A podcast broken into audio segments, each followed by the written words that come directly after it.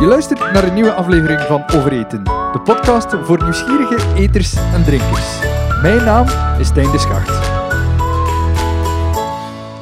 Welkom bij een nieuwe aflevering van Overeten. Als je naar een supermarkt gaat, dan zijn de diepvriezerekken niet weg te denken. Die liggen boordevol klaargemaakte producten die je gewoon in de oven kan gooien. Maar daar liggen ook heel wat andere dingen, zoals groentjes. Groentjes die komen van het veld, die worden verwerkt en die belanden daar. Niet alleen uh, in de supermarkt, maar ook voor professionelen bestaat zoiets. En eigenlijk uh, moeten we niet ver zoeken om te kijken wie dat maakt. Ardo is een producent, uh, Europees de grootste producent van diepvriesgroenten en fruit en kruiden, als ik me niet vergis. En die zit gevestigd hier bij mij in West-Vlaanderen. Ik heb vandaag Peter en Bavo over de vloer van Ardo en die gaan mij uitleggen hoe een boer dat plukt en dat dan mooi diepgevroren in onze diepvries belandt. Um, heel kort gezegd, ja, dat is wat dat jullie doen. Grootste producent. Hoeveel van die groenten produceren jullie zo op een jaar, om even een beeld te geven? Uh, in totaal volume, uh, als je daar een keer een beeld wil van hebben, uh, denk ik dat we ongeveer een, dicht bij het miljard uh, ton zitten. Een miljard ton ongeveer is dat, hè? Dus uh, om dat in een schaal uit te drukken, in vrachtwagens of zoiets, is dat uh, een beetje moeilijk. maar uh, dat zal ongeveer zoiets zijn, ja. En, ja en jullie produceren niet enkel voor, voor, de supermarkt, zoals ik net zei, maar ook voor de, de professionele consumenten, voor andere merken. dus het is niet allemaal Ardo als label die geproduceerd wordt bij jullie, Absoluut toch? niet. U kunt ons terugvinden in verschillende supermarkten. Gaat niet zien dat dat van Ardo geproduceerd is. Meestal is dat onder een eigen merk van de supermarkt zelf. Of bepaalde merken die in Europa bekend zijn. Als een A-brand, zal ik maar zeggen. En uh, ja, veel namen kan ik daar niet, natuurlijk niet bij noemen uh, over wie of wat dat zijn natuurlijk. Maar hier in België vinden we wel wat het Ardo-merk in, in bepaalde supermarkten.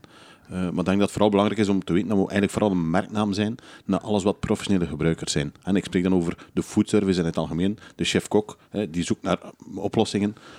Die, die vindt heel makkelijk ons merk, onze producten bij alle, of zo goed als alle groothandels in, in België en Europa.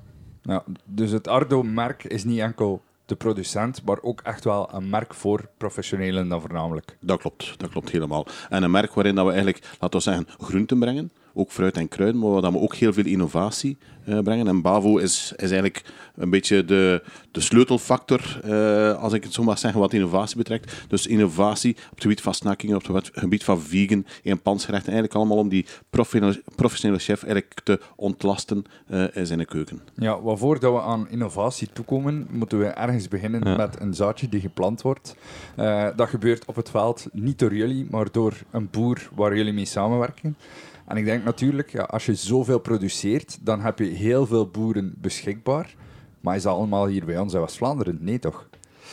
Um, je moet dat eigenlijk zo zien dat uh, van in het zuiden van Nederland tot aan het noorden van Parijs, dat je een band trekt door België, dat er daar uh, heel veel land, uh, waar dat er groenten verbouwd worden eigenlijk, door boeren.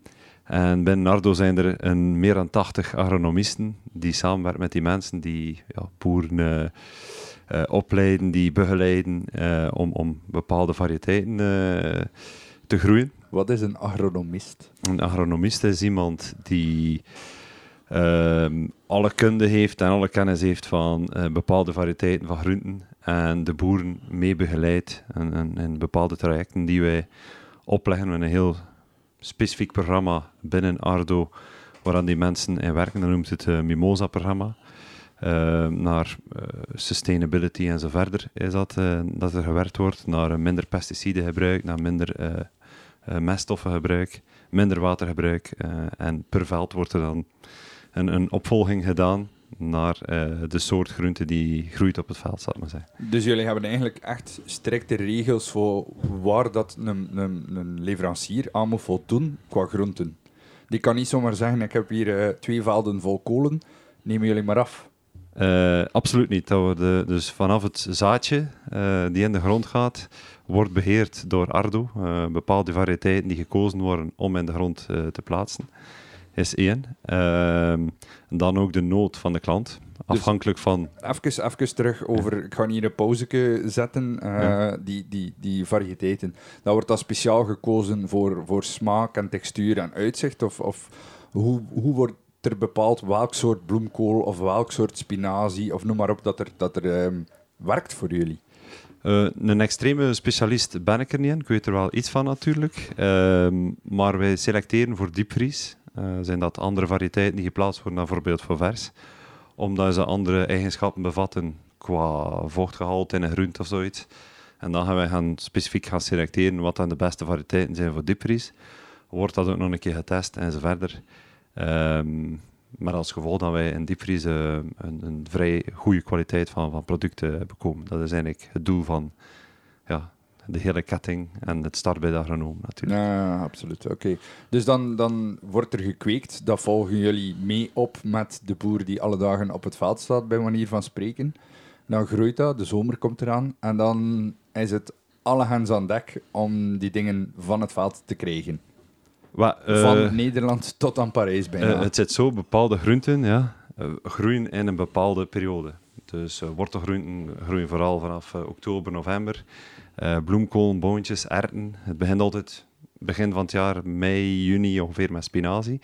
Tegenwoordig is dat al wat vroeger dat eh, spinazie eh, komt door klimaatverandering. Ehm, dus iedere groente wordt geplant zodanig dat de fabriek ook kan vol. Zeg het zo, om, om de productie binnen te nemen. Maar misschien iets belangrijks, als ik dat mag toevoegen. Je spreekt van Zuid-Nederland tot Parijs. In die regio hebben we in totaal zes fabrieken. Eh, en al die fabrieken die staan ingeplant in een bepaalde teeltregio. Dus het is niet zo dat groenten van Parijs tot in Nederland moeten gebracht worden, of groenten van Nederland tot in de fabriek in Frankrijk. Dus die fabriek die staat ingeplant in een teeltregio. En in principe gaan we ervan uit dat er eigenlijk maximum anderhalf uur nodig is om die groenten van het veld tot bij de fabriek te brengen. En dat zorgt ervoor dat je heel vers, heel kort na het oogstmoment die groente kunt invriezen. En dat zorgt er eigenlijk voor dat je eigenlijk een optimale kwaliteit eh, bereikt na het invriezen van je groente. Ja, maar je, was me net, je bent me eigenlijk een beetje voor. Dat was mijn volgende vraag. Eh, Sorry. maar dat is, dat is een heel mooi punt dat je hier aanhaalt. Want ja, er wordt altijd gezegd, ja, de beste groentjes die krijg je als ze vers van het veld zijn. Maar in de winkels bij ons, ik kan me moeilijk voorstellen dat heel veel van de zaken die daar liggen, eigenlijk vers, vers tussen aanhalingstekens van het veld komen. Dus jullie slagen er wel in om dat altijd heel snel verwerkt te krijgen dan. Ja, dat klopt. Het is zo dat als je kijkt naar verse groenten, of onbewerkte groenten, eh, laten we zeggen, die worden geoogst en die gaan ook een aantal stappen doorlopen voor die in de winkel komen. Eh, een keer dat die dan, laten we zeggen, verkocht zijn aan de consument of de eindgebruiker, dan blijven die vaak ook nog een aantal dagen in de koelkast liggen. En gemiddeld gesproken gaan we ervan uit dat een verse of onbewerkte groente geconsumeerd wordt tussen de drie en de zeven dagen na oogst. In het ideale geval is dat zo. En dan zie je dat er eigenlijk al heel wat, wat vitamines uit die groente verloren gaan. Gewoon door het bewaarproces.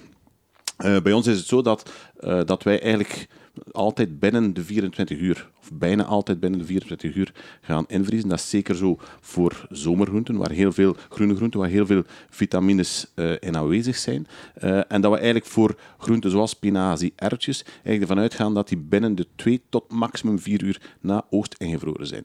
En dat zorgt ervoor dat je eigenlijk, eigenlijk 80% van je vitamines in je groente gaat fixeren, bewaren. En dat die eens in die diepvries zitten eigenlijk ook niet meer verloren gaan. Dat is eigenlijk wel straf, vier uur. Dat betekent dat die boer die het verst wegzet van die fabriek, meteen de tijdsdruk voelt om dat geplukt te krijgen, tot bij jullie te krijgen. En dan is er bij jullie een druk om dat ook nog eens verwerkt te krijgen. Klopt, klopt. Het is daarom dat eh, die agronomen waar Pavo het al even over had, die, die zorgen inderdaad voor eh, het hele traject, het voortraject met de boer. Keuze van land, waar gaan we wat zetten, welke zaden gaan we gebruiken, welke variëteiten gaan we gebruiken. Maar die zorgen er ook voor dat er eigenlijk een hele eh goede flow is eh, van oogst tot in de fabriek. Dus die gaan eigenlijk bepalen van wanneer welk veld geoogst wordt. En die weten precies van de capaciteit van de fabriek. Ik zeg maar iets, we kunnen 20 ton spinazie verwerken per uur. Wel, die zorgen ervoor zorgen dat er 20 spina- ton spinazie per uur in de fabriek aankomt. Zodat je eigenlijk een mooie continue productie hebt. En dat je eigenlijk ook geen spinazie hebt die drie uur hoeft, staat te wachten op de koer voor die kan eigenlijk eh, verwerkt worden. Ja, dus ehm, hoe weet je eigenlijk dat die, dat die uh, vitaminen en mineralen zo bewaard blijven? Dat is een studie die gebeurd is door, in samenwerking met de Universiteit van Gent. We hebben dat gedaan voor spinazie, we hebben dat gedaan voor boontjes. En op die manier hebben we eigenlijk heel wat informatie erover, over het fixeren van uh, van eigenlijk de vitamines in een diepgevroren groente. Wij zeggen eigenlijk vriesverse groente, omdat die zo kort na het oogsten ingevroren wordt. Dus die vitamines worden gefixeerd door eigenlijk dat blancheerproces die eigenlijk gebeurt voor het uh, invriezen van de groente. Ja, want om even een beeld te scheppen, ja, we hebben nu al spinazie en boontjes en ik heb het ook al over bloemkool gehad. Maar hoeveel soorten groenten worden er zo gekweekt en verwerkt? Uh, Ardo heeft in het totaal een 65-tal soorten groenten die wij op vandaag uh, telen en verwerken. Ja, uh, maar met die 65 soorten kunnen we dus natuurlijk heel veel uh, diverse producten maken door andere snitten, door mengelingen te maken en dergelijke meer. Maar dat gaat nu puur over groenten, maar jullie doen ook nog fruit. Ja. En dan doe je ook nog kruiden. Ja, klopt. Uh, we hebben in totaal uh, drie fabrieken die uh, kruiden produceren. Eentje in Zuid-Frankrijk, in de Drome, dus eigenlijk net boven de Provence. Omdat dat dan de ideale regio is om die Zuiderse kruiden te telen. En dat is ook weer hetzelfde verhaal als dat straks. Hè. Die fabriek die staat ingeplant binnen in een groeizone, een teeltregio, zodat die kruiden heel vers kunnen ingevroren worden. Bretagne hebben we nog een, een kruidenfabriek. En dan ook in, in, in UK staat er een kruidenfabriek. En dan daarnaast uh, zijn we eigenlijk ook een, een producent, uh, wel, weliswaar een beperkt aantal soorten fruit. Uh, en voor de rest allee, verkopen we ook heel veel fruit die wij dan eigenlijk gaan aankopen bij telers in diverse landen die daarin gespecialiseerd zijn. Ja, dus heel, heel veel verschillende mogelijkheden die, die bestaan. Maar ik denk dan, zo'n fabriek, dat is niet gewoon, het, het komt toe, het wordt gewassen, afhankelijk van de noden van, de, van, van het product ga je versnijden, verhakselen, uh, noem maar op. En dan in een diepvries leggen, toch? Nee, want het is zo dat eigenlijk, wat is er primair voor ons superbelangrijk? En dan komen we terug bij die agronoom, eigenlijk het werk op het veld. Wij kunnen slechte kwaliteit groenten die bij ons aankomen, die kunnen wij niet beter maken. Dus primair van belang is dat we een optimale kwaliteit uh, binnenkrijgen in de fabriek. En daar zijn die agronomen samen met de landbouwers uh, cruciaal in. Dus die samenwerking uh, die is super belangrijk om eerste kwaliteit groenten binnen te krijgen. En dan is eigenlijk het, het, het grote traject in de fabriek is eigenlijk het eerste het proper maken van die groenten afhankelijk van groente tot groente uh, zal dat een langer of korter traject zijn. Maar het proper maken van die groente, dat gaat van wassen tot steeltjes eraf uh, halen, tot uh, de kern bijvoorbeeld van een, van een bepaalde kolen, de kern eruit gaan, gaan boren. Zorgen dat er geen vreemde voorwerpen meer in zitten. er kan al een keer een steentje een takje meekomen van, van op het veld. Een rups. Uh, een rups kan ook, uh, kan ook. Het kan ook een, een blikje zijn dat door een uh, sympathieke wandelaar of fietser in het veld gegooid is. Dus ervoor zorgen dat onze groenten proper zijn, dat er geen vreemde voorwerpen in zijn. Dat is superbelangrijk. En daarna volgt dan in principe een, een snijproces. Tenzij dat voor een ertje gaan we uiteraard niet gaan snijden, maar dus afhankelijk van groente tot groente. Maar ertjes moeten wel gedopt worden die worden eigenlijk op het veld gedopt. Die worden op het veld ja, gedopt. Dus die worden op het veld gedopt. Dus uh, dat is misschien ook nog iets allez, interessants om, om mee te geven. We hebben twee typen uh, soorten groenten. We hebben groenten die, laten we zeggen, we noemen dat arbeidsextensieve oogsten. Dat, daar worden eigenlijk met grote machines, en we, dat zijn wel de dingen die we vaak ook langs de weg zien, hele grote oogstmachines, uh, waar loonwerkers eigenlijk van veld naar veld rijden om spinazie, ertjes, boontjes, dergelijke groenten te gaan uh, Loonwerkers, oogsten. voor mensen die niet weten wat dat is, dat zijn eigenlijk een soort boeren die geen eigen boerderij hebben. Uh, die gaan mee gaan werken als freelancer bijna, uh, in verschillende periodes van het jaar, Ja. voor andere boerderijen. Maar het is nog iets, iets meer dan dat. Het zijn eigenlijk, bedrijven die eigenlijk uh, investeren in machines, omdat zij vrij dure machines. Je moet rekenen, zo'n machine kost makkelijk 500.000 euro. Als je als boer die ook erten op het veld staan heeft, je hebt dat misschien één of twee weken op een jaar nodig. Dat is een onmogelijke investering. Vandaar dat er bedrijven zijn die investeren in die machines en die dan eigenlijk de boeren in de regio gaan helpen met het oogsten. Uh, daar komt het op neer. Uh, en dan heb je eigenlijk arbeidsintensieve teelten. En dan denk ik aan uh, bloemkool, aan spruitkool, aan prei bijvoorbeeld ook, waar er heel veel handwerk aan te pas komt. En daar gaat de boer echt zelf met een grote groep mensen het veld op om handmatig dingen te gaan oogsten en, en te snijden. voor jullie verwerking dan, hoeveel verschil maakt dat eens dat het toekomt aan de fabriek? Niet echt, want al het werk, het zware werk gebeurt dan eigenlijk op het veld. Het zware... het, het- het doppen, eh, het trekken van prei, noem maar op. Maar bijvoorbeeld, inderdaad, inderdaad. Het, eh, ook daar is er ook, laten we zeggen, hoe langer hoe meer eh, mechanisch dat er gebeurt. Eh ertjes bijvoorbeeld, ja, die, die machines die rijden meestal met twee of drie naast elkaar. Die rijden op, over dat veld. Die ertjes worden geoost. In de machine worden ze eigenlijk automatisch gedopt. En bij ons komen eigenlijk containers toe met gedopte ertjes. Eh, en dan in de, in de fabriek is het eigenlijk vooral de systeem, de lijn, die ervoor zorgt dat overbleven blaadjes, peulen, steentjes, noem maar op, dat die eigenlijk verwijderd worden in het hele proces. Aardjes die gekneusd worden door zo'n machine of door het, eh, door het oogstproces, die worden dan ook waarschijnlijk eruit geflikkerd door een of andere machine. Dat klopt, dat klopt. Dus voor ertjes bijvoorbeeld, die zullen makkelijk twee of drie verschillende optische scanners eh, passeren, die eigenlijk op kleur, op vorm, eigenlijk de fouten eh, er kunnen uithalen. Ik, ik sta me dan nu eigenlijk voor als er staat een trechter waar alle ertjes ingedumpt worden, bij manier van spreken. Dat komt op een soort transportband terecht en dan eh, wordt dat er met behulp van bijvoorbeeld lucht zo echt letterlijk uitgecatapulteerd. Is dat zo dat me dat kan Ja. voorstellen? Je kunt u dat zo voorstellen. Eh, die trechter zie ik niet direct voor mij eh, als Ja, ik naar de bedoel, lijn kijk. Maar het is, wel ja.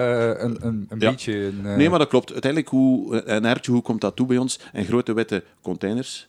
Die containers die worden rechtstreeks op de productieband eigenlijk, eh, geleegd, eh, beetje met een beetje. Daar worden ze eigenlijk tot een hele dunne laag eh, verdeeld. Eh, gaan ze, worden ze eigenlijk eerst geventileerd om die blaadjes die lichter zijn, die kunnen door, door wind weggewaaid worden. En dan komen ze eigenlijk in een hele kleine hoeveelheid op een dunne band terecht. Die gaat de fabriek binnen. Er wordt eerst een wasproces, die eigenlijk ook gelijk tijdig een ontsteningsproces is, waar zware voorwerpen zoals steentjes naar, de, naar, naar beneden zakken. Ze komen in een wastunnel, ze gaan via verschillende buizen en eh, transportbanden komen ze in een eerste optische scanner, worden nog een keer gewassen, tweede opti- optische scanner, en dan worden ze eigenlijk via grote buizen in water getransporteerd naar de blancheur. En de blancheur is eigenlijk de sleutel van, van wat wij doen, eh, om die eh erwtjes of die groenten eigenlijk klaar te maken om ingevroren te worden. Dat is eigenlijk een kort verhittingsproces waar we kleur, textuur en voedingswaarde van die groenten gaan fixeren. Dat is eigenlijk letterlijk blancheren zoals dat wij hier Zoals we thuis in de keuken, zouden Ja, doen. Maar dan Helemaal op grote schaal. Op grote schaal. Ehm, en na dat blancheren worden ze ook onmiddellijk gekoeld, zoals wij in de keuken zouden doen in ijswater. Koelen. Ko- Na het koelen worden ze afgedroogd en dan IQF ingevroren. Eh, wat ingevroren? IQF, dat wil zeggen individually quick frozen. Dus dat is een heel snel eh, proces. Dat, die gaan in een soort, we noemen dat een tunnel. Dat is eigenlijk een hele grote... Eigenlijk is het visueel ook wel een tunnel, hè Bavo? Ja, dat is Eh, eigenlijk een, eh, een, een lange band die onder min 22, min 30 zou Ja, tot min tussen zijn. 35. Tot min Ja. 35. En wat eigenlijk die groenten eigenlijk constant dansen door een, een trilling en een, en een luchtcirculatie. En waardoor ze eigenlijk elk erwtje wordt apart ingevroren. En dat maakt het zo leuk voor die, voor die klant. Of het nu een consument is of een chef. Die neemt uit de zak, uit de doos wat hij nodig heeft. En de rest blijft gewoon eh, in de diepvries voor een later moment. Ja, want dus als je zo gaat vriezen, dan heb je ook niet het risico dat je een klomp uithaalt die vast aan elkaar gevrozen is, enerzijds. Anderzijds, dat je die dan ook kapot trekt, omdat ze zo aan elkaar hangen. Klopt, klopt. Dus alles is mooi individueel ingevroren. En, en waarom willen we dat heel snel doen? Dat eh, quick, waarom is dat zo belangrijk? Eh, hoe sneller je invriest, hoe kleiner de kristalvorming is in je product, hoe minder structuurschade wat je hebt in je product. Want dat betekent dus als je traag invriest, dan vormen ijskristallen scheuren die de celwand en verlies je ook een stuk textuur van je, van je product. Dat is Ehm, exact Maar dat gebeurt toch niet met elke groente? Want sommige groenten verliezen toch sowieso hun structuur als je gaat vriezen. Sowieso heb je altijd wat structuurschade. Hè? Ik denk dat, allee, dat we kunnen zeggen dat het invriezen van groenten is de meest natuurlijke manier om die groenten voor een langere tijd te kunnen eh, bewaren. Het is ook een hele goede manier om die vitamines zo goed mogelijk te gaan bewaren in uw groenten voor een langere periode. Maar je hebt altijd een klein beetje structuurschade. Door dat snel invriezen is dat minder dan mocht je dat gewoon thuis in uw diepvries steken waar het misschien 24 uur duurt. Eer ze volledig eh, ingevroren zijn.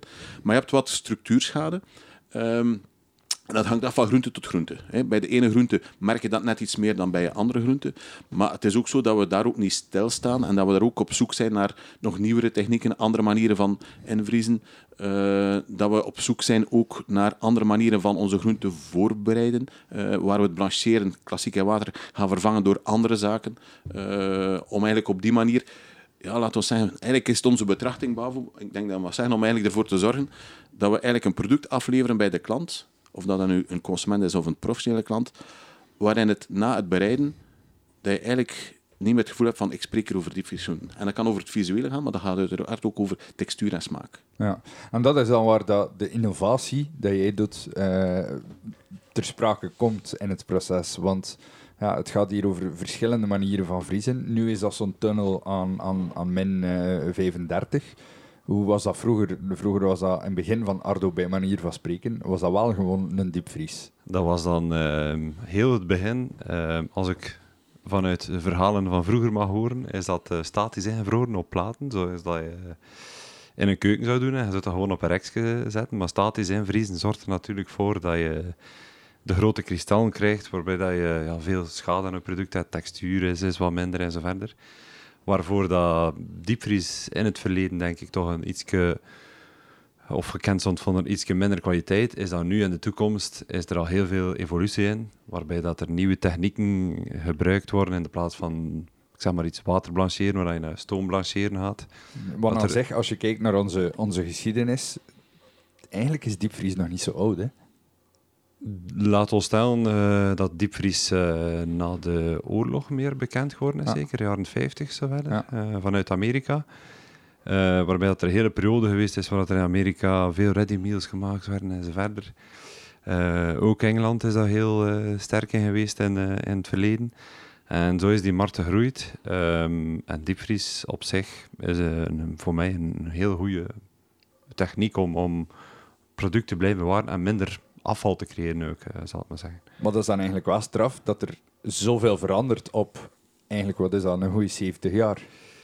Eh, net zoals andere technologie, zoals eh, internet ontstaan is, is diepvries ook in evolutie, denk ik. Dus dat is een zeer goede ja, trend in feite. En dus, dus ja, dan komt er een, een, een nieuw soort manier van vriezen uit en dan ben jij er als de kippen bij om te gaan kijken hoe dat kan werken voor jullie. Wel, laat ons zeggen dat eh, de eerste generatie eh, bazen eh, binnen Ardo, dat dat twee families waren. Eh wacht, twee families. Dat één familie was, twee broers die aan de ene kant Ardo hadden en dan aan de andere kant Dujardin. In de jaren eh, 70 al het bij opgestart. En ehm, eh, ondertussen, van sinds 2000 2015, eh, één bedrijf geworden zijn tot het Ardo wat het nu is. Ehm, door de door de samensmelting van de twee bedrijven. De een was meer gespecialiseerd in private label en diepvrieskruiden, en de andere meer in foodservice. Dat was een, een, eh, unieke combinatie en de families zijn terug samengekomen. En in feite een heel goede match eh, wat eh, het Ardo nu is, zal ik maar zeggen. Ja, en dus innovatie, dat betekent jij gaat aan de slag met wat dat er binnenkomt. Je kijkt wat dat er beter kan en hoe dat, dat proces anders kan. Of hoe moet ik dat eigenlijk voorstellen? Laat ons zeggen dat er in innovatie, ehm, dat ben ik totaal niet alleen. Er zit daar een heel team achter natuurlijk. Er zit daar een, een Je zit wel technisch- nu hier als spokesperson voor iedereen. Hè? Ja, uiteraard. uiteraard. Er zit daar een, een, een eerder technisch team achter. Ehm, zeer technische mensen. Daar hebben we nog een collega voor eh, in Ardo ook. Die eh, de technische kant van de zaak behandelt. Nieuwe technologie, nieuwe machines, eh, nieuwe snijwijzes. Al dat soort zaken. Eh, de andere kant ervan is gaan kijken naar een gedeelte variëteit. Kunnen we variëteiten verbeteren? Is dit. En wat aan mijn taak vooral is, is combinaties maken naar de, het bepaalde land toe. eh, van, ik zeg maar iets, een bloemkool met een kaassaus moet in Amerika zo smaken. In eh, Duitsland is, moet dat op die manier smaken en zo verder. Dus er zit daar, wij gaan vooral combinaties gaan maken naar smaak toe. We gaan ook het product eh, op bepaalde manieren verbeteren. En wij zijn als koks meer een raadgever eh, voor de, techno- eh, de technologische kant eh, en die mensen die daar werken, om, om te zeggen van eh, wij zouden een product zo willen hebben op het einde. En ehm, proberen daaraan uit te komen en een, een betere kwaliteit te, te geven dan, dan dat Ja. vroeger was. Wat hij hier nu zegt is wel iets, iets zeer interessant. Eh bloemkool met kaassaus, verschillende smaken in verschillende landen. Dus Ardo doet ook semi-afgewerkte producten dan. Eh, wij doen uiteraard eh, veel meer dan, dan enkel groentjes eh, in, in water koken, zal het maar zijn, en invriezen. Ehm, Peter vertelde al over fruit en kruiden, is één zaak. Daarnaast, ehm, goed om te weten dat wij ook in het zuiden van Europa verschillende fabrieken hebben. In totaal bevat de hele Ardo-groepen een twintigtal fabrieken, waarvan iedere fabriek zijn eigen specialisatie zit. Ehm, ik zeg maar iets, in Nederland is er een specialisatie op bladgroenten en kool. Ehm, Tuurlijk. in, in het noorden van Frankrijk. Nederland met hun, eh, met hun stampotten. Ja, voilà, voilà. boerenkool, spinazie, andijvie, al die speciale eh, soorten die daar een beetje eh, meer gekend zijn. Eh, in het noorden van Frankrijk hebben we bijvoorbeeld een, een fabriek die gespecialiseerd is op het frituren van eh, producten. Wat al eerst gestart is met ajuinfrituren, maar nu geëvolueerd Verrassend is. genoeg niet met aardappelen. Verrassend genoeg niet met aardappelen. We zijn, mag ik toch zeggen, toch een, een, een grotere producent van eh, groentefrietjes. En ook de, ja, de, Zo de aardappelfrieten ook. hè. de zoete aardappelfrieten, eh, groentefrietjes, rode biet, pastinaak, wortelfrietjes. eh, Maar ik vind, ik vind het wel grappig, want ah als je denkt, eh, een, een fabriek gespecialiseerd op frituren, ja, het eerste dat in mijn hoofd zit is een friet. een frietje van groente. Allee, ja, klopt. bedoel, Ja, ja, ja, ja. maar niet, niet van groenten, gewoon puur. een- het eerste waar ik dan aan denk, er zitten hier veel patatten in de grond. Hoe, hoe komt dat dat niet met, met aardappelen begonnen is? Ehm, het zit zo, wij hadden eh, vroeger het idee om, om groentefrietjes te produceren. Dat is uiteraard op een kleinere schaal dan aardappelen. En wij willen ook niet concurreren met de grote aardappelproducenten hier in België en Europa. En die eigenlijk ook bijna om jullie hoek zitten, eh, als ik me niet vergis. Ja, inderdaad. Dus, eh, wij willen ons vooral specialiseren op groenten, wat dat we nu ook doen. Ehm, en we willen totaal de concurrentie niet aangaan met aardappelen. Wat ook niet relevant is qua volume en capaciteit die wij zouden doen. We zouden ook niet concurrentieel zijn in die markt. Ehm is één zaak. Goed om te weten wat dat wij nog doen in het zuiden van Europa is groenten grillen. Waarbij dat je nog een betere kwaliteit van groenten krijgt.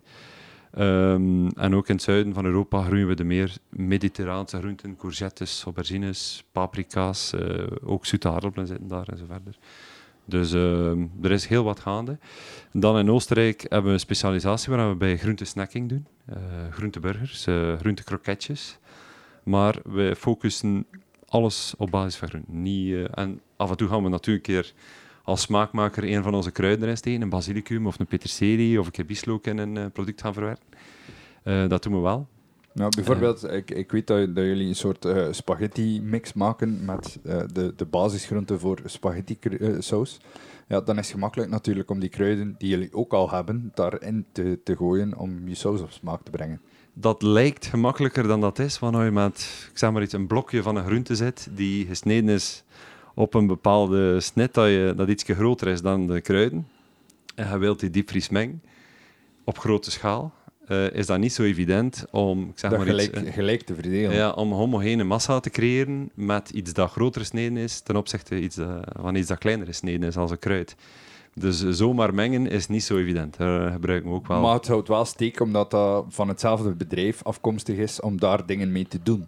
dat klopt. Dat, Dat, maakt klopt. het misschien iets makkelijker dan dat je eh galangal moet gaan beginnen zoeken voor een, eh, een Aziatische eh, geïnspireerde mix. Wij hebben een Aziatisch geïnspireerde mix in onze kruidengamma. onze Thaise mix hebben we onlangs galanghal aan toegevoegd.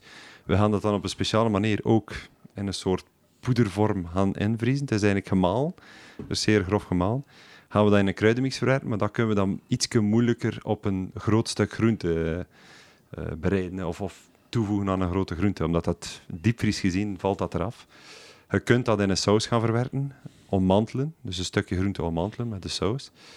eh, met een bepaald stikstofproces die we dan gebruiken. Ehm, maar dat is iets ook dat we doen. Maar Ja. eigenlijk dus, dus eigenlijk, ja, die innovatie, dat begint al met ehm, machines die snijden. Want als je, je je bladgroenten bijvoorbeeld met een botmes snijdt, je bladgroenten gaan daarvan kapot. Ehm, een mes of een machine die een ganse dag werkt, dat lijkt mij ook dat dat niet uit zichzelf scherp blijft. Dus dan, dan kun je daar al beginnen zoeken. Dan inderdaad, wat jij nu aanbrengt, dan echt gaan zoeken van oké, hoe krijgen we die dingen hier samen? Want die verschillende technieken, ah, die zijn niet zomaar te matchen. Ehm, betekent dat dat jij dan, als het ware, vanuit alle fabrieken een, een product vraagt en dan in een laboratorium mee zit te kijken van oké, hoe krijgen we dat hier iets mooi uit? Uit, uh, op die manier ongeveer verteld, klopt dat ongeveer hoe dat we gaan kijken. We gaan kijken als er een klant uh, aan onze vraag stelt, wij willen een bepaalde groente gemengd met uh, die smaak of uh, die soort saus. Dan gaan wij op een halve labo keuken, halve, het is iets tussen een, een laboratorium en een keuken eigenlijk. Gaan we gaan kijken om die mixen te gaan maken. Um, kijken om onze beste producten uit wat kunnen we daarin steken? En uh, zo hebben we dat product eigenlijk gaan creëren. Eigenlijk is dat niet zoveel meer dan dat. Ja, nu het, het proces van blancheren en bevriezen. Heel eenvoudig om te begrijpen, heel duidelijk wat dat er daar dan uitkomt. Of dat dan nu is voor erwtjes, of dat dan nu is voor blaadjes spinazie. Ik kan me er iets bij voorstellen. Aan de andere kant, sauzen, dat is dat weer niet zo eenvoudig, denk ik, om hetgeen dat je doet in een kookpot uh, in uw labo te gaan vertalen naar een productie van 20.000 ton? Dat is uh, absoluut niet evident om, ik zeg maar iets, de bloemkool met kaassaus uh, te gaan uh, namaken op een grotere schaal. hoe doen wij dat? Is dat stap voor stap via ja, een soort proefproducties dat we gaan doen op lijnen die we, die we voorhanden hebben. En ook mensen die in ons uh, ontwikkelingsteam werken, die gespecialiseerd zijn in de saus maken, in combinaties van smaken voor een bepaald land te maken. Gaan we die bloemkool gaan ommantelen met de saus op een optimale manier en gaan we dat meerdere keren testen, alvorens op kleine schaal, alvorens naar een semi-grote productie te gaan en dan over te gaan naar een effectieve grote productie die eigenlijk altijd hetzelfde moet zijn per zakje eigenlijk. Dat je als, als je zegt productielijnen die voorhanden zijn, ik sta me dan voor dat dat zo wat op het einde van de oogst is. Als zo de laatste dingen minder en minder beginnen binnenkomen, dan is er capaciteit vrij in die productiehal, in die fabriek, om ja, eventueel iets anders te testen. dat, is, is dat een goede, een goede voorstelling of hoe werkt dat dan eigenlijk juist als je dat zegt? Dat klopt. Dus per seizoen uh, gaat de aandacht meestal naar de groente die van het veld moet komen. Dat is één zaak. Nee, want bijvoorbeeld, uh, ja, je, je, kan, ik kan me heel moeilijk voorstellen als je zegt van ja, bloemkool zit in pakweg hier, uh, hier in West-Vlaanderen, dat je dan in, in, in mei naar uh, Nederland gaat rijden om, om daar te gaan testen. Um, dat is absoluut niet het probleem, maar een keer dat de bloemkool ingevroren is, we gaan bijvoorbeeld een, een geblancheerde bloemkoolroosje kunnen wij gelijk naar welke fabriek sturen in onze, in onze ja, netwerk van fabrieken die we hebben. Uh, dus natuurlijk... die, die, saus wordt eigenlijk achteraf aan een bevroren bloemkool toegevoegd? Eerst, uh, klopt ja. Dus, dus okay. uiteindelijk een, een bevroren bloemkool die in een mengmachine gaat en daar wordt de saus op gesproeid en zo wordt dat bevroren en gevroren. En je een bloemkoolroosje die, waar dat er saus aan kleeft. En dan kun je jullie dat in een oven steken en een beetje kaas opstrooien en dan eigenlijk uh, een bloemkool in roomsaus of een bloemkool in kaassaus. Zo werkt het eigenlijk, ja. Ja, het is eigenlijk uh, heel anders dan dat ik mij voorstelde. Het klassieke proces uh, is waar dat, dat quasi gelijk gebeurt. Ik dacht dat dat zo gebeurde en dat pas ingevroren werd. Wat dat wij doen is vooral eerst in, in grote bulk gaan produceren. In een bepaalde snit of bepaalde calibratie die de klant verwacht. De een wil grote bloemkoolroosjes, de ander wil dat met kleine bloemkoolroosjes dan kunnen wij gaan kiezen van wij en die type bloemkool nodig. Uh, met die type saus Dan gaan we dat in eerst op kleine schaal gaan testen en dan gaan we dat vertalen naar uh, productie. En dan die, die, die verschillen tussen elk land, dat is dan het cultureel verschil wat je dus makkelijker kan aanpassen qua smaken. Um, ja, wij kunnen ons aanpassen. alhoewel dat we proberen zoveel mogelijk een, een gelijkmatige productie te hebben en gelijkma gelijkmatige ingrediënten in, uh, in productie te hebben, hoe complexer je het maakt qua kruiding en seasonings, hoe moeilijker dat die producties natuurlijk verlo verlopen, hoe meer dat je moet reinigen, hoe meer dat je moet veranderen van, van receptuur.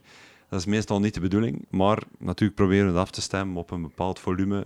als een klant bij ons komt, moet er een bepaald volume gegenereerd worden dat die fabriek rendabel is en dat die fabriek eh, kan draaien. en ik kan, me, ik kan me voorstellen dat pakweg de Carrefours van deze wereld niet dezelfde bloemkool met kaas zwellen als een, een Deleuze, om het zo te zeggen. Dat is ook nog zoiets, ja. Dus iedere klant wil zijn specifieke receptuur. En eh, per land is dat nog een keer anders. In Duitsland willen ze dan meer nootmuskaat of, of iets anders zijn. In Nederland moet dat dan met, met nog een ander kruid erbij en zo verder. Dus dat is, iedere, ze willen allemaal een specifiek eh, recept. Dus, ja. Ja, dat klopt. en, en, en dat is dan ook jouw rol om, om te gaan experimenteren, dat die dingen eigenlijk op smaak zijn van de klant. Dat klopt. Wij gaan natuurlijk gaan samenwerken met de klant. Er, gaan, eh, er worden eerst stalen gemaakt als een, als een soort proef op, op, op ja, ik zeg maar iets op een vijftal kilo die we eerst proberen te maken.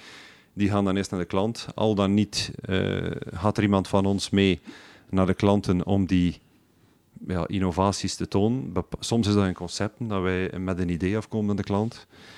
Als je, Ehm, als je merkt bijvoorbeeld, eh, er zijn meer Google searches naar ehm, eh, Mexicaanse saus, dan ga je al eens eh, denken van hm, misschien moeten wij iets met Mexicaanse saus maken. Dat klopt ook. Ehm, we, zijn met een, een, we hebben een bepaald datateam eh, binnen Ardo die wel trends opvolgt. Zelf doe ik dat natuurlijk ook. Eh, af en toe reizen we wel een keer en, en kijken wat er in de markt is. We doen ook veel supermarktbezoeken en zo. Ehm, wat dan de trends zijn en wat dat er nieuw is eh, in vers, meestal in vers. Want diepvries trends die komen meestal ietsje later. Meestal zie je de trends eh, vanuit het hogere cement in de restaurants komen. Dan zakt dat een beetje naar vers in supermarkten. En dan pas nadien komt de diepvries. Dus we kunnen trends opvolgen, maar wij moeten dat meestal wat later implementeren, zal ik maar zeggen. Ja. Dat, gebeurt dat dat jullie eigenlijk voorlopen op dingen ook? Ehm, Maar ja. ik denk dat we, eh, wat betreft, als ik kijk naar de diepvriessector, dat we daar echt wel de innovatieve partner zijn voor onze, voor onze klanten. Maar misschien een, allee, een leuk voorbeeldje wat ik zelf vind, eh, zoiets dat echt binnengecijpeld is vanuit de gastronomie. En dat is, dat is al enkele jaren hoor. Eh, op een gegeven moment zagen we in de gastronomie peterseliewortel. Dat was zoiets dat echt veel gebruikt werd. Ehm, en we, zagen dat gebeuren en op een gegeven moment wordt er ook een opdracht gegeven aan onze agronomen van eh tja, kijk daar een keer naar, kunnen we daar iets mee? Is dat überhaupt mogelijk om die groenten te vinden in, in een hoeveelheid en in een, laten we zeggen, in een vorm of in een grootte dat de wortel groot genoeg is dat we die kunnen produceren? Eh, en dan zien we dat we, daar, we zijn erin geslaagd en dan zie je dat dat eigenlijk wel eh, op die manier dat je die groente, peterseliewortel die eigenlijk heel bewerkelijk is, het is een vrij kleine wortel, schilwerk, snijwerk, dat je die op die manier eigenlijk beschikbaar maakt voor, voor onze klanten. En onze klanten, eh, dat, is, dat is, laten we zeggen, de, de horeca, maar dat is ook vooral die, die die moet koken voor 100, 200, 500.000, 3000 mensen, die absoluut niet de mogelijkheid om te zeggen van ik ga hier beginnen peterseliewortel eh, reinigen en snijden om, om, een, om een pureetje of een soepje te maken. En op die manier, het is eigenlijk een heel eenvoudige allee, innovatie, maar dat is gewoon leuk om op die manier eigenlijk die groente ook beschikbaar te maken voor, voor onze klanten. Ja. klopt zeker. En dat is ook heel beperkt beschikbaar op in een bepaalde periode, die wortel. Ja. Dus als je dat wil mee koken, moet je dat al in het seizoen doen en zo verder.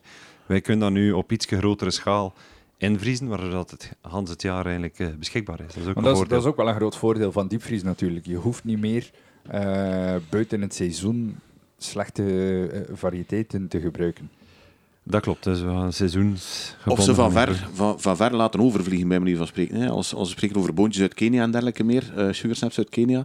Ja, Niet alleen sugar snaps, gewoon prinsessenboontjes komen ook ja, uit Kenia ja, tegenwoordig. Klopt, klopt. Dus eigenlijk, eh, het, het zorgt ervoor dat je eigenlijk, laten we zeggen, de seizoenen wat verlengt. Wij zijn geen voorstander om nu al onze klanten te gaan motiveren om buiten het seizoen te werken. Dat hoeft absoluut niet. Maar het zorgt ervoor wel dat je het seizoen verlengt. Eh, waarin dat je met die groenten kunt koken sowieso. En dat je eigenlijk niet moet gaan eh, met groenten werken die op een eh, heel onduurzame manier tot hier gekomen zijn met vliegtuigen en dergelijke meer. Basilicum uit Zimbabwe zag ik ook voorbij komen, Ja, niet zo lang geleden. Ja, klopt. dat, dat, het, is ergens een beetje raar om dat te zien. En dat, dat, dat kun je wel ergens opvangen met, met diepvries.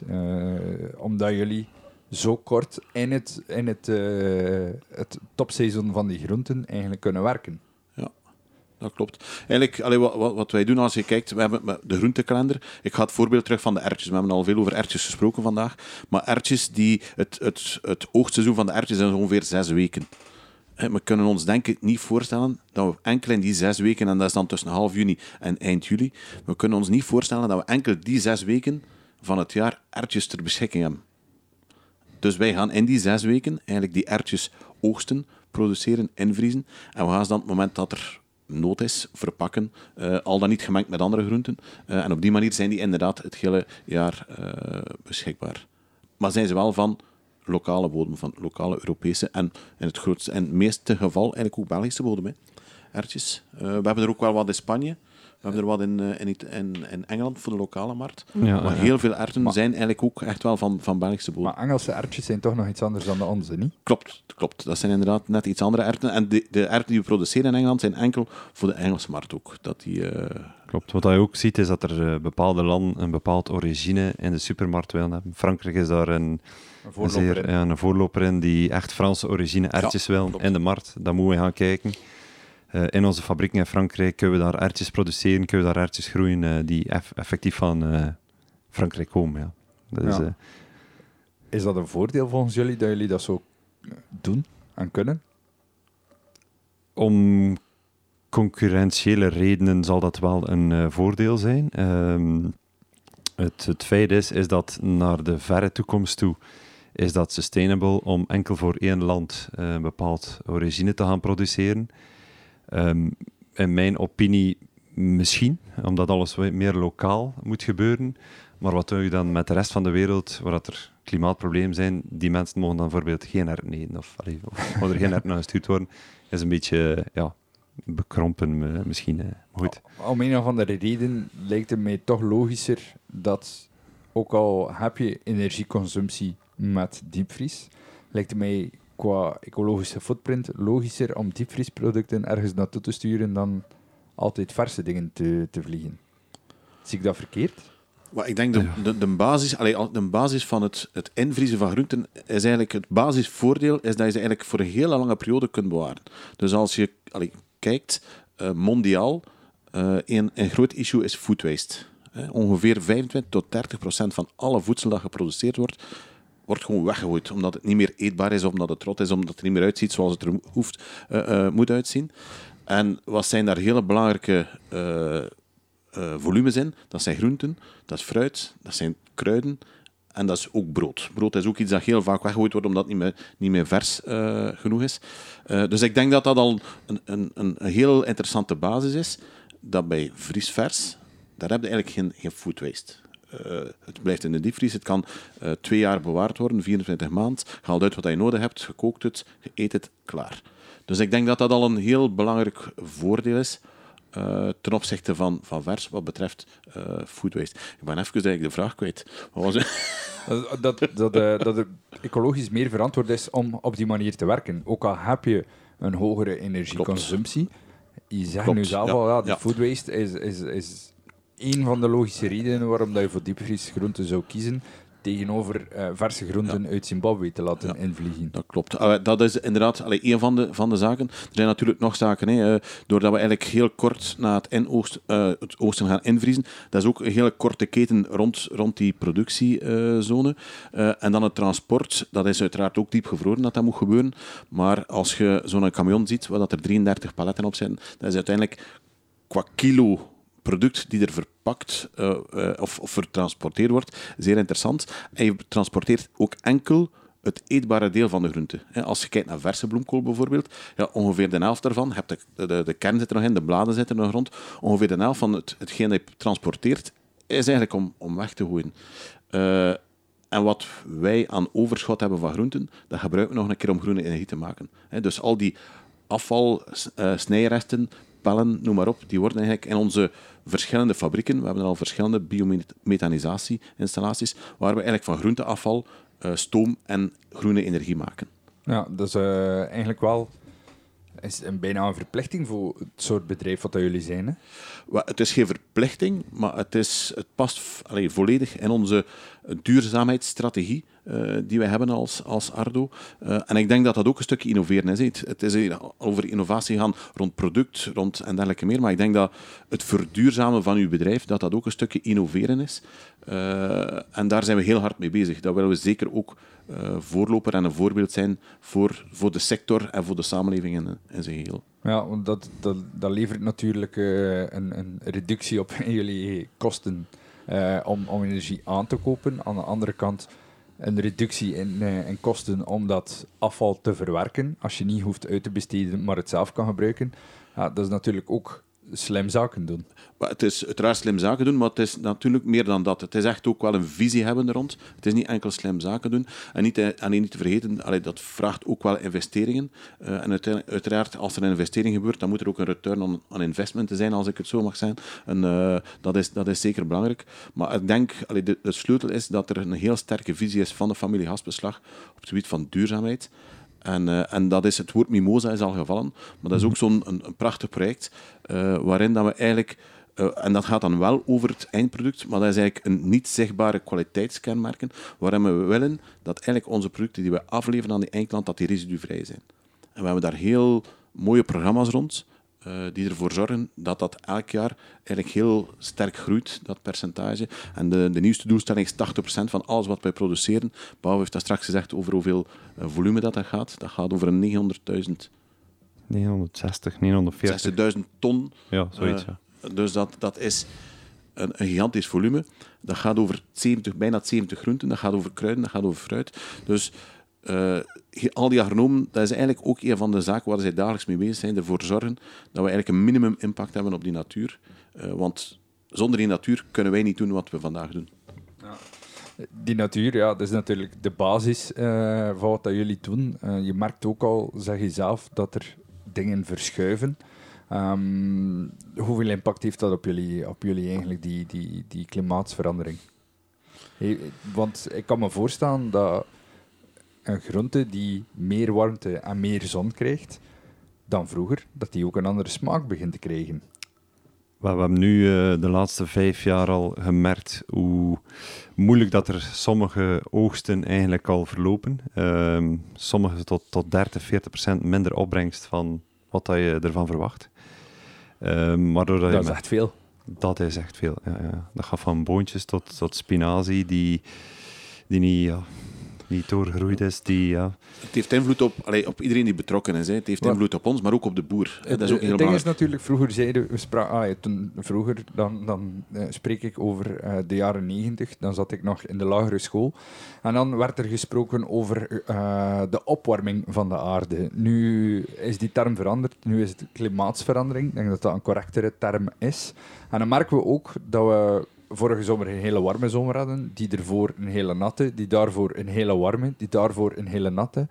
Ja, die, die, na een tijdje weten die planten ook niet wat, wat, wat de hel dat er gebeurt. Inderdaad, inderdaad. Eh, Sommige oogsten zijn effectief eh, ook al mislukt. eh, door bepaalde, ja, door te nat of, of kun niet uitrijden omdat het allemaal modder is, is ook zoiets. Ehm, en dan, ja, dan zitten we met mislukte oogsten en, en, en alle gevolgen van die natuurlijk. Eh, klanten die hun product niet beleverd krijgen en zo verder. Dat is een van de zaken waar je rekening moet mee houden. Daarom is het bij ons ook zo belangrijk dat we over heel Europa eh, verspreid zitten in verschillende teeltgebieden om die dekking te hebben om bepaalde volumes, eh, als er in een bepaald land het klimaat het wel beter doet, dat wel op dat moment wel eh product van het veld komt die aan de goede kwaliteit voldoet. En Dus, dat is eh, ook iets wat dat jullie innovatieafdeling met agronomisten moet gaan bespreken. Van, is het nog de moeite dat we dit hier gaan kweken of zouden we al beter verleggen?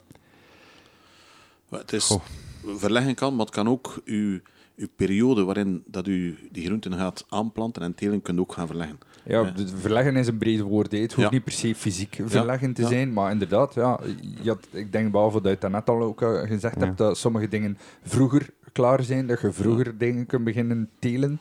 Ja, dat is ook verleggen. Hè? En als het warmer wordt, bijvoorbeeld, komt de spinazie in de plaats van mei, juni, komt die al maart binnen soms, of, of soms Mm. nog veel vroeger. Ehm, dat is afhankelijk van, van wat dat het weer natuurlijk doet. En dat gebeurt effectief dat de seizoenen ja, twee maanden op voorhand al, al, ja, Al aan de deur staan. aan de deur staan. in plaats dat de fabriek eh, nog, nog, nog niet klaar is met, met de, de bijvoorbeeld. Ja. Dus ehm, het overlapt eh, soms wel een beetje. ja. Ja. Dat is dan wel eh, een, een moeilijke puzzel om, om te maken. Dat is voor ehm, de planning van de, de agronomisten en, en de, de combinatie met de mensen die in de fabriek werken is eh, niet evident. Dat, dat kunnen we wel eh, meegeven. Ja. Ja, maar dat is wel iets wat, je, wat je merkt, dat dat echt gebeurt. Dat is niet zomaar een, uh, een, een doemverhaal die vertaald wordt. Er zijn effectief veranderingen. Er zijn effectief veranderingen. Uh, in onze hoofdsite in Ardooien um, is er daar al bepaalde acties voor genomen, waarbij dat er een groot waterbassin is aangelegd. Dat past ook in dat verhaal dat Peter ook Mimosa aangegeven heeft, wat dat er gaande is in de wereld. En daar zijn er bepaalde pijpleidingen naar de boeren gelegd in een omtrek van nu 14 tot 18 kilometer al. Uh, rond de fabriek die gratis water krijgen uit die bassin. Maar we merken ook dat die bassin bevat uh, 60 Olympische zwembaden. Maar we merken ook al dat die ja, lager staat dan in de zomer dan dat eigenlijk zou moeten staan. En, Deze zomer hebben ze op een gegeven moment moeten stoppen. Hè. Ja, inderdaad. Ja, uh, Nu, misschien als ik mag, uh, ja, even verbeteren, want ze krijgen het niet gratis, dat water. De ah, het is een coöperatieve. ja, pas op, dat straks niet alle boeren aan onze, aan onze deur staan voor gratis water. Het is eigenlijk een co coöperatieve, waarin, dat eigenlijk, waarin dat Ardo samen met Europa uh, en eigenlijk een aantal boeren geïnvesteerd heeft in een groot bassin. vanuit dat bassin vertrekken heel wat leidingen, die staan onder druk. en de boer die, moet eigenlijk gewoon zijn zijn haspel, als ik het zo mag zeggen, aansluiten. En die kan eigenlijk beginnen irrigeren op zijn land. Uh, die zal betalen prijs per liter, dat is allemaal afgesproken. Uh, maar voor de boer is dat natuurlijk een, heel groot voordeel. Uh, ten eerste, vroeger, wat moest hij doen? Ofwel moest hij zelf een bassin aanleggen, ofwel moest hij rondrijden naar kanalen om daar water op te pompen en naar zijn veldenterrein daar een installatie te installeren die de druk maakte, die zorgde dat water uh, het veld kon geïrrigeerd worden. dat kostte ook heel, heel wat geld, tijd, mankracht om, om dat te doen. En als je dan een warme zomer hebt zoals vorig jaar, ook heel wat frustratie als er dan een oppompverbod komt? Captatieverbod, oppompverbod, inderdaad. eigenlijk de West-Vlaamse regio die heeft historisch en allee, al heel lang eigenlijk een heel laag grondwaterpeil. Uh, en heel snel zie je, als het een tijdje droog wordt, dat er eigenlijk geen water meer mag opgepompt worden uit rivieren en, en beken. En dat om verzilting tegen te gaan, anders krijgen we dat, dat zeewater die eigenlijk in onze, in onze grond terechtkomt, waardoor je eigenlijk niet meer kunt gaan landbouwen. Dus dat, dat, dat, dat is voor de boer eigenlijk een heel mooi uh, verhaal uh, rond Ardooien. En we hebben gezien dat het absoluut uh, we hebben dat nu vijf jaar, dat bassin. 2018 hebben we dat ja. aangelegd. Dat, dat, op dat moment was dat nog zo van... Hmm, is dat, ja, is, is, dat, een, zin, een, zinvolle investering? Ja. Maar ik denk dat dat ook aantoont, en dat is ook weer allee, die visie van, van, van de familieafbeslag van, van het bestuur van Ardo, van wij willen ons voorbereiden op wat er mogelijk komt. Uh, en ja, da, daar gaat het om uiteindelijk. Hè. En we, samen met de boer, en, en in dit verhaal ook, dat is een partnership verhaal, waarin uh, boeren, en dat zijn niet enkel boeren die aan Ardo leven, hè, dat is gewoon boeren uit de streek rond de fabriek, die misschien ook naar de versmarkt of naar collega's van ons uh, een groente leveren, dit project opgestart hebben. Ja, coöperatieven, dat, het doel van die coöperatieven is niet om, om Ardo te beleveren, dat is echt gewoon een nevenproject van. Ja, klopt. Omdat dat zowel in jullie voordeel is als in alle boeren die deelnemen hun voordeel. Klopt, klopt. Een win-win. Eigenlijk een win-win verhaal voor alle partijen. Ja, en is dat dan iets wat je kan extrapoleren naar alle andere fabrieken? Ik vermoed van wel. Ik vermoed van wel. Maar er zijn nog geen concrete plannen? Er zijn op vandaag geen concrete plannen dat ik uh, weet. Uh, maar uiteraard, zoiets gaat altijd gepaard met heel wat... Allee, uh, overleg die er moet gebeuren, ook met lokale overheden en dergelijke meer. Uh, dit is nu gebeurd op onze eigen terreinen. Uh, maar ik hoor dat het voor een individuele boer niet altijd zo evident is om zoiets geregeld te krijgen. Hè? Want er is heel wat aarde die ook moet afgevoerd worden. Dat heeft ook zijn kostprijs. Uh, dan moeten milieuvergunningen en dergelijke voor goedgekeurd worden. Dus, uh, maar ik vermoed, allee, ik, ik, ga ervan uit dat, dat dit niet het enige bassin is dat Ardo ooit zal aangelegd hebben. Ja, maar dit is wel een heel duidelijk voorbeeld van dit is iets wat werkt. Ja, klopt. Klopt, helemaal. Ja. Zijn er nog zo van die projecten die, die, die jullie mee bezig zijn om het beter te maken voor iedereen? Ah, dat klinkt misschien eh, een beetje, beetje uh, blasé, maar eigenlijk is het wel zo. Zo'n zo'n bassin, dat hmm. is beter voor iedereen, punt.